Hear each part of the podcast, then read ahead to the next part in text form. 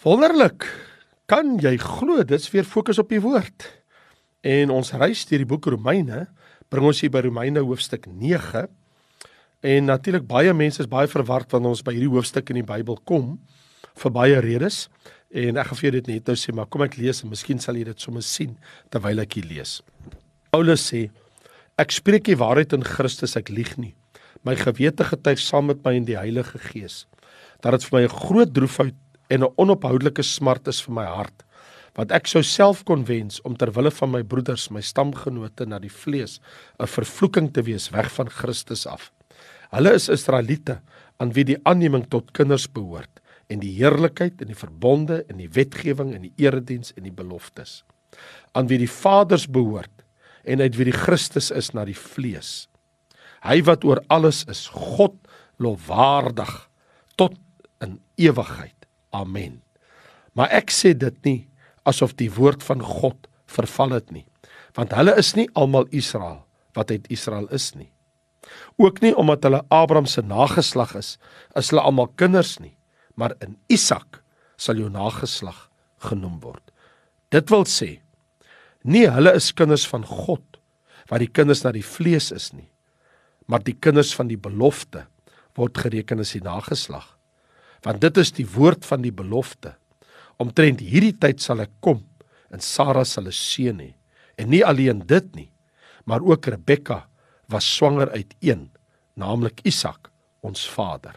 Want toe die kinders nog nie gebore was en nog geen goed of kwaad gedoen het nie, dat die voorneme van God volgens die verkiesing kon bly staan. Nie uit die werke nie, maar uit hom wat roep is vir haar gesê die oudste sal die jongste dien. Soos geskrywe is Jakob het ek liefgehad en Esau het ek gehaat. Wat sal ons sê? Is daar miskien onreg by God? Nee stellig nie. Want aan Moses sê hy ek sal barmhartig wees oor wie ek barmhartig wil wees en my ontferm oor wie ek my wil ontferm. So hang dit nie af van die een wat wil of van die een wat hoop nie, maar van God wat barmhartig is. Want die skrif sê dan aan Farao: "Juis hiervoor het ek jou laat optree dat ek in jou my krag kan toon en dat my naam verkondig kan word op die hele aarde." So so is hy dan barmhartig oor wie hy wil en hy verhard wie hy wil. Jy sal dan sê, maar waarom verwyd hy dan nog? Want wie kan sy wil weerstaan? Maar tog o mens, wie is jy wat teen God antwoord? Die maaksel kan mos nie vir die maker sê waarom maak jy so nie?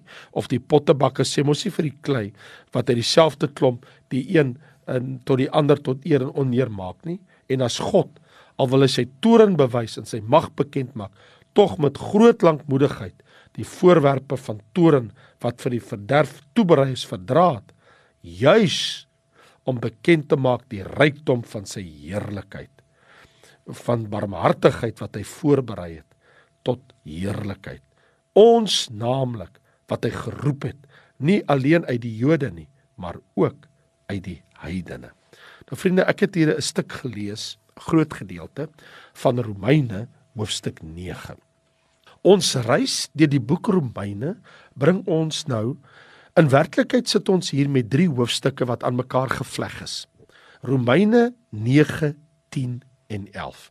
Onthou, hoofstuk 1 tot 8, die voorafgaande 8 hoofstukke, het Paulus aan ons getoon hoe die evangelie wat die krag van God is vir redding vir elkeen wat glo, eers vir die Jood en ook vir die Griek, hoe dit uitgespeel het. Nou blyk dit vir ons vreemd dat Paulus in sy bespreking van saligheid waar hy ons geleer het oor sonde, geregtigheid, verzoening en heiligmaking, onderbreek hy nou skielik met 'n lang relaas, 'n skrywe van 3 hoofstukke, 9, 10 en 11, wat hy wy aan die volk Israel.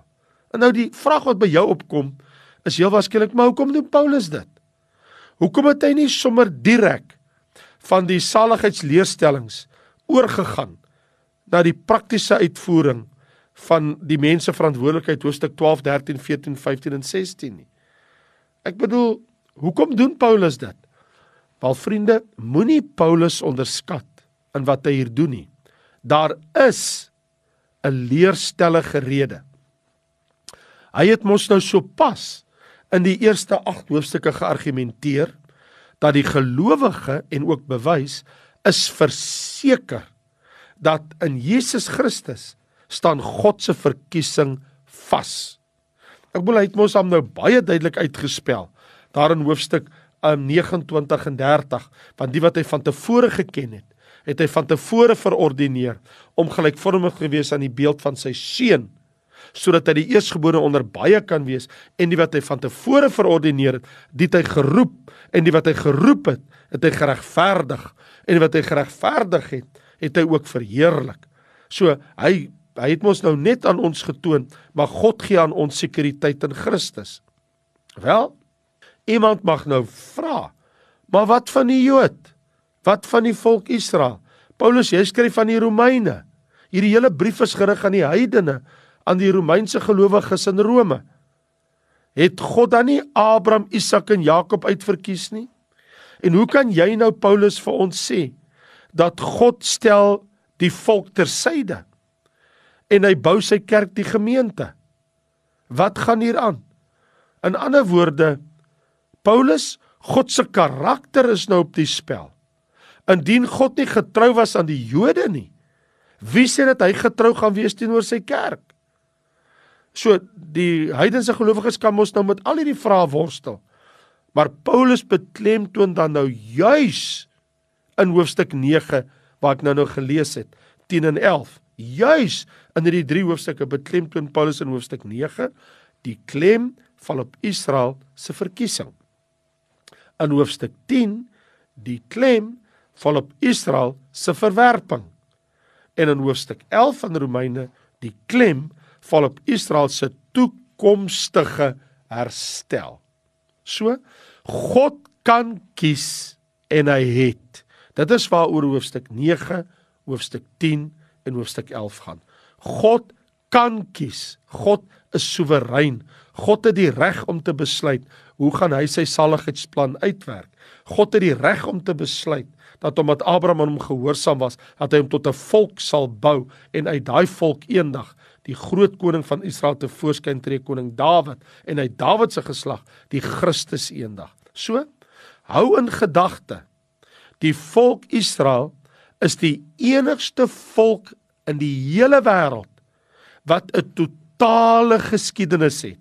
Hulle het 'n verlede, hulle het 'n hede en hulle het 'n toekoms.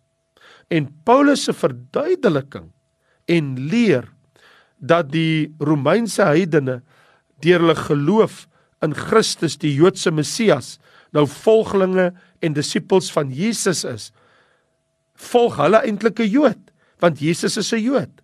En nou bring dit mos nou sekere vrae na vore die probleem van die Jode.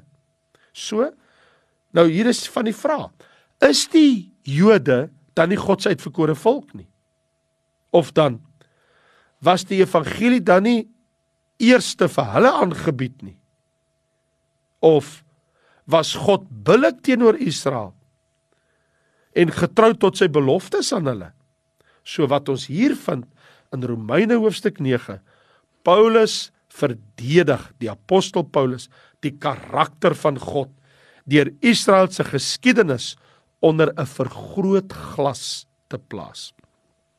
En dit natuurlik beklemtoon God se getrouheid, hier's vier eienskappe betrokke. God se regverdigheid, God se geregtigheid en God se genade. So wat God se getrouheid betref in die eerste 13de verse skilder Paulus op 'n merkwaardige wyse 'n teken hy vir ons die blydskap van Romeine 8 wat ons gesien het van die vreugde. Wie kan teen ons wees as God vir ons is wat sy seun gegee het en al hierdie heerlike dinge? Niks kan my skei van die liefde van God in Christus Jesus. Nou het hy al hierdie goed gesê het kom in hoofstuk 9 en hy sê maar hy's baie hartseer. Hy's hartseer vir die volk Israel se saak. Wanneer hy na die kerk kyk dan juig hy.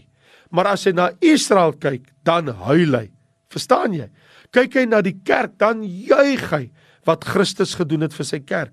Kyk hy na Israel, dan huil hy omrede hierdie volk so hulle hart verharte teenoor God. Want net soos Moses is Paulus ook gewillig as jy gaan lees in Romeine om vervloek te wees en van Christus verwyder te word as die Here tog net sy volk Israel sal red. Wat 'n man. Hy sê ek sou self vers 3 kon wens om ter wille van my broers, my stamgenote na die vlees. Hy sê ter wille van die volk Israel, ter wille van die Jode, 'n vervloeking te wees weg van Christus af. Dis maar soos Paulus uh, vir ons sê, um, dit is hoe hy voel, maar Moses het dieselfde gevoel in Eksodus 32. Hy sê Here, delg U maar my naam uit die boek van die lewe uit, maar moet dit nie met hulle doen nie. Hulle is maar net skape, hulle verstaan nie, Here. Wat 'n man was Paulus. Hy was gewillig om uit die hemel te bly in die hel gewerp te word as God net my volk Israel, die volk Israel sou red. Kan jy glo hy's gewillig om verlore te gaan as God net die volk sou red? Hy was bereid om uit die hemel te bly as God tog net om oor Israel sou ontferm. En so Paulus se tema in die hele hoofstuk Romeine hoofstuk 9 is dit van die verkiesing van die volk Israel uit wie die Messias, die Christus sou kom. Want hy sê daar, hy sê maar in vers 4, is hulle nie Israel nie? Behoort die aanneming in die verbonde en die wetgewing nie tot hulle nie? Is die Christus nie na die vlees uit hulle nie? Hy sê kom Jesus nie uit hierdie volk uit nie? Maar hy sê ten spyte van al hierdie seëninge wat die volk gehad het, het Israel God miserabel geval. Toe hulle Messias verskyn, het hulle hom verwerp. Hulle het in hom nie geglo nie. Inteendeel, hulle het gevra dat hy gekruisig moes word. Hy sê, "Maar God kan kies en God het." Hy sê God se uitverkiesing berus nie op menslike meriete nie.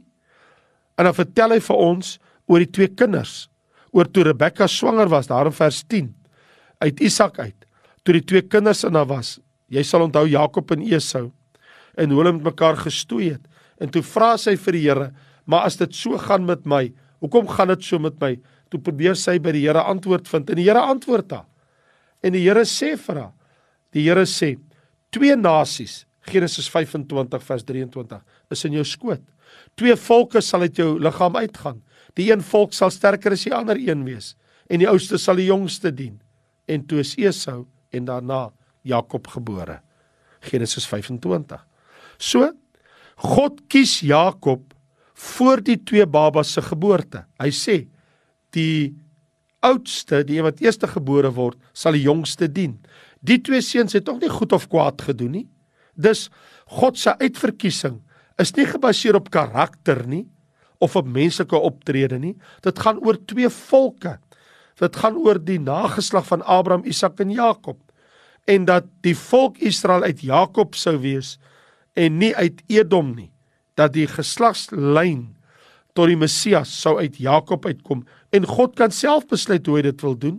Dit gaan oor twee volke, twee nasies, nie twee individue nie.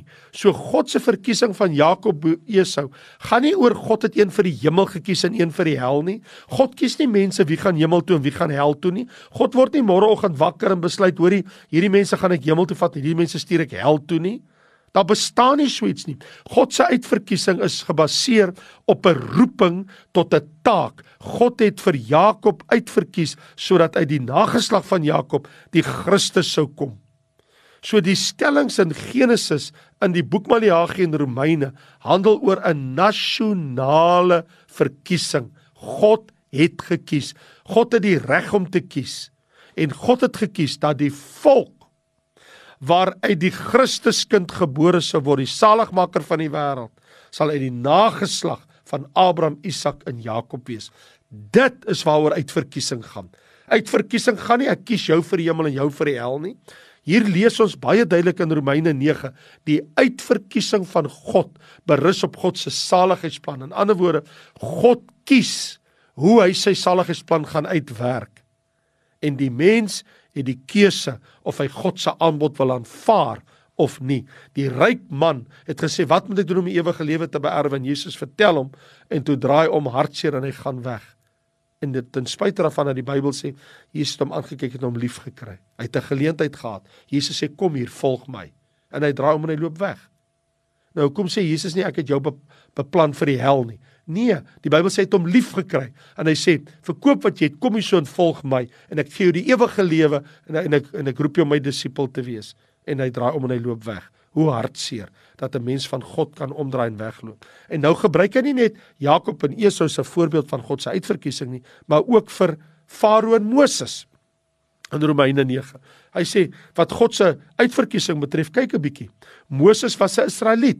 Hy sê die Jodendom. Farao was 'n heiden.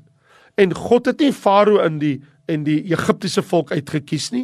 Hy het Moses en die volk Israel uitverkies. Maar Farao het sy eie hart verhard. Gaan kyk maar na die 10 pla. Die eerste 5 maal het Farao sy hart verhard. Daarna gee God Farao oor aan die verhardheid van sy eie hart. En toe verhard die Here Farao se hart vir die res van die tyd vir homself. So as ek en jy ons harte bly verhard, kan die Here ons oorgee aan ons eie hartsverharding. Dis nie dat God het gekies my hart moet hard wees nie. Farao het sy eie hart verhard. En omdat hy God geweet het dat sy eie hart gaan verhard, het die Here hom toegelaat om dit te doen en daarna toe doen die Here dit sommer vir hom. Vriende, ek stel dit aan jou. Dieselfde sonlig, die son wat skyn, wat die ys laat smelt, verhard die klei. Verstaan jy wat ek vir jou gesê het? Die son wanneer hy op ys skyn, smelt die ys. Maar wanneer die son op klei skyn, word die klei hard. So Dit is wat gebeur wanneer God se heerlikheid daarop skyn. God is regverdig bo al sy handelinge. Dan leer ons ook van God se geregtigheid hier in Romeine hoofstuk 9, want God het genade betoon aan 'n slaaf Moses, maar hy het 'n koning, Farao, veroordeel. Is dit regverdig? Ja. God kies Israel, maar hy verwerp die ander volkere in die sin dat die Christus sal alleenlik uit Israel gebore word. Nou, is dit regverdig? En Paulus sê sekerlik en hy bied drie antwoorde. Hy sê 1: Wie is ons om daaroor met God te argumenteer? Die klei vla nie vir die pottebakker, wat maak jy nou nie? Net so min kan ons vir God sê, hoekom het jy Israel gekies? Hoekom kies jy nie Suid-Afrikaners uh, dat die Christen uit Suid-Afrika gebore word nie? Ons kan mos nie vir die Skepper God sê hoe moet hy kies nie? Ten tweede, God het sy doelwitte. God se oorheersende doelwit is sy kerk, sy gemeente. Hy wil almal red. Toe Jesus aan die kruis sterwe, toe word die evangelie aan die hele wêreld verkondig. Dit maak nie saak dat hy uit Israel gebore is nie. Hy het nie net vir Israel gesterf nie. Hy het vir elke volk en elke stam en nasie en taal en elke mens op aarde kan potensieel gered word. Jesus het vir almal gesterwe. En in elk geval sê Paulus se derde argument is hy sê dit was al van tevore geprofeteer. Hosea het dit geprofeteer en Jesaja het dit geprofeteer. En nou laastens kom Paulus en hy praat met ons oor God se genade. Nou beweeg hy van goddelike soewereiniteit, want God is soewerein in God se verkiesing van die volk Israel na menslike verantwoordelikheid. Ons kan nie ontken dat daar baie verborgenhede verbind is met goddelike soewereiniteit en menslike verantwoordelikheid nie. Maar daar is ekwilibrium, daar's 'n balans tussen die twee maar nêrens vra God ons om te kies in te kies tussen twee waarhede nie. Beide kom van God. Beide is deel van God se plan. Selfs al verstaan ek en jy nie hoe die soewereiniteit van God werk nie, weet ons dat God is soewerein. 'n Man het eendag vir Charles Spurgeon gevra oor goddelike soewereiniteit. Hoe vra hy: "Charles, hoe versoen jy goddelike soewereiniteit met menslike verantwoordelikheid. Ander woorde, hoe versoen jy in uitverkiesing God se kant en die mense kant? En Spurgeon se antwoord was: Ek probeer nooit twee vriende met mekaar versoen nie. Hulle is reeds versoen.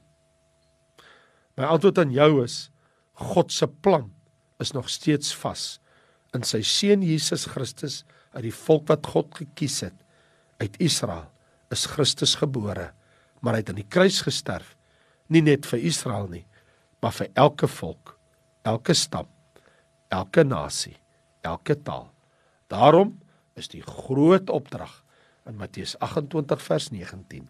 Gaan dan heen, maak disippels van al die nasies en doop hulle in die naam van die Vader en die Seun en die Heilige Gees en leer hulle om alles te onderhou wat ek julle beveel het. Vader, ons loof en dank U dat U het gekies dat U soewerein is en dat U seun vir die hele wêreld aan die kruis gesterf het.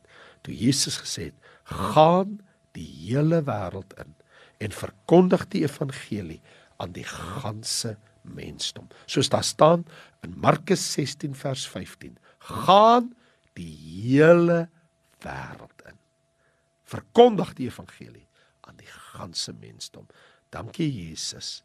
Al is u uit die stam van Juda. Al is u 'n Jood, al is u 'n Israeliet, al kom u uit die nageslag van Abraham, Isak en Jakob, het u nie net vir hulle nie, maar vir die hele wêreld aan die kruis gesterwe. Ons loof u daarvoor. Dankie Vader vir u plan, vir u soewereiniteit dat u gekies het dat u seun gestuur het. En die woord sê so lief het God die hele wêreld gehad dat hy sy enige gebore seun gestuur het. Amen. Nou ja, toe ek is Raymond Lombard. Volgende week gesels ons weer verder. Baie dankie en totsiens.